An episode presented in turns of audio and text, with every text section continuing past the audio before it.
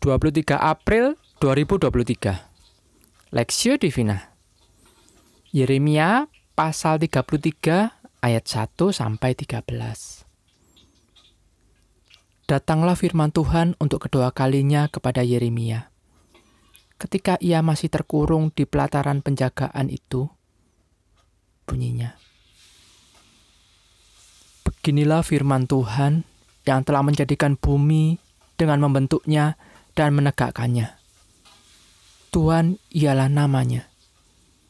Berserulah kepadaku, maka aku akan menjawab engkau dan akan memberitahukan kepadamu hal-hal yang besar yang tidak terpahami, yakni hal-hal yang tidak kau ketahui.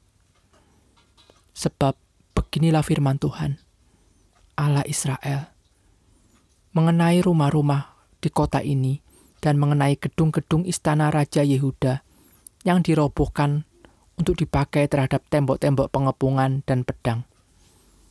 Orang akan masuk pertempuran melawan orang-orang Kasdim dan kota ini akan penuh dengan bangkai-bangkai manusia yang telah kupukul mati karena murkaku dan kehangatan amarahku. Sebab aku telah menyembunyikan wajahku dari kota ini oleh karena segala kejahatan mereka. Sesungguhnya, aku akan mendatangkan kepada mereka kesehatan dan kesembuhan dan aku akan menyembuhkan mereka dan akan menyingkapkan kepada mereka kesejahteraan dan keamanan yang berlimpah-limpah. Aku akan memulihkan keadaan Yehuda dan Israel dan akan membangun mereka seperti dahulu. Aku akan mentahirkan mereka dari segala kesalahan yang mereka lakukan dengan berdosa terhadap aku. Dan aku akan mengampuni segala kesalahan yang mereka lakukan dengan berdosa dan dengan memberontak terhadap aku. Dan kota ini akan menjadi pokok kegirangan, ternama, terpuji, dan terhormat bagiku di depan segala bangsa di bumi yang telah mendengar tentang segala kebajikan yang kulakukan kepadanya.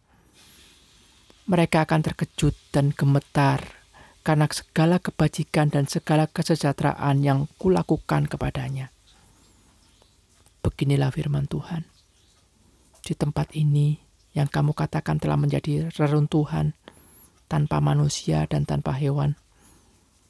Di kota-kota Yehuda dan di jalan-jalan Yerusalem yang sunyi sepi itu tanpa manusia, tanpa penduduk dan tanpa hewan akan terdengar lagi suara kegirangan dan suara sukacita.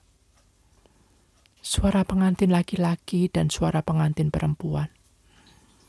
Suara orang-orang yang mengatakan, "Bersyukurlah kepada Tuhan semesta alam, sebab Tuhan itu baik." Bahwasanya untuk selama-lamanya kasih setianya sambil mempersembahkan korban syukur di rumah Tuhan. Sebab aku akan memulihkan keadaan negeri ini seperti dahulu. Firman Tuhan. Beginilah firman Tuhan semesta alam. Di daerah ini yang sudah menjadi reruntuhan, tanpa manusia dan tanpa hewan dan segala kotanya akan ada lagi padang rumput bagi gembala yang membaringkan kambing domba di situ di kota-kota pegunungan, di kota-kota daerah bukit, di kota-kota tanah Negeb, di daerah Benyamin, di, seket, di sekitar Yerusalem dan di kota-kota Yehuda. Kambing domba akan lewat lagi dari bawah tangan orang yang menghitungnya. Demikianlah firman Tuhan.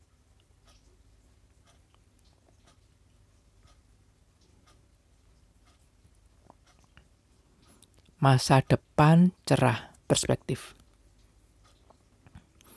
Sesungguhnya aku akan mendatangkan kepada mereka kesehatan dan kesembuhan, dan aku akan menyembuhkan mereka dan akan menyingkapkan kepada mereka kesejahteraan dan keamanan yang berlimpah-limpah. Yeremia pasal 33 ayat 6.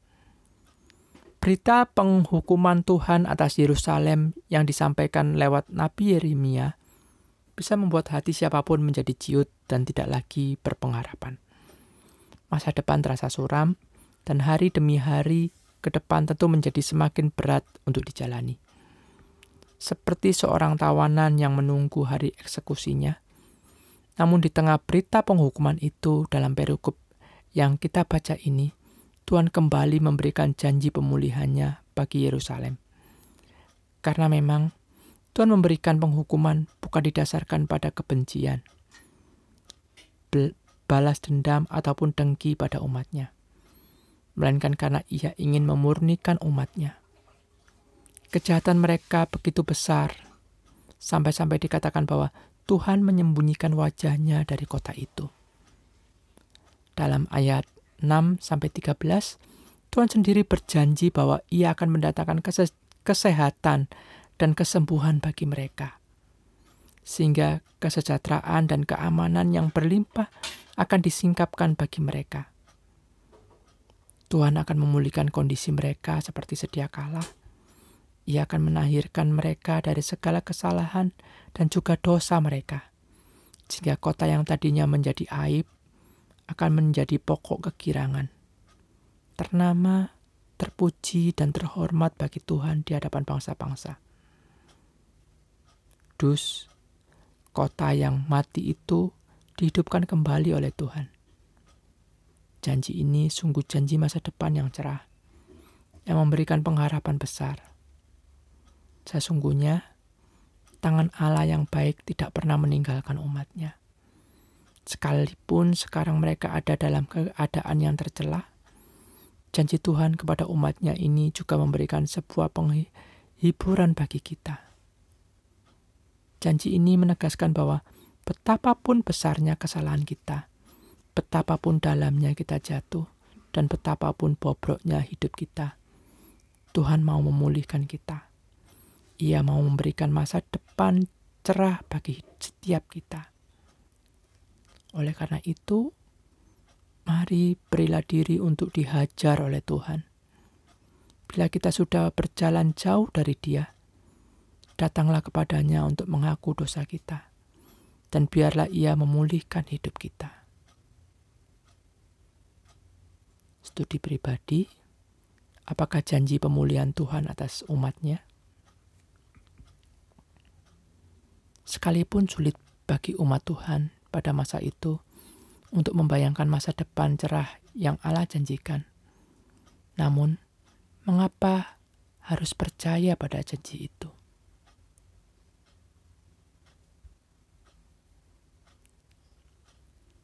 Pokok doa, berdoa agar jemaat di dalam keterpurukannya datang kepada Tuhan untuk menerima didikan dan teguran Tuhan.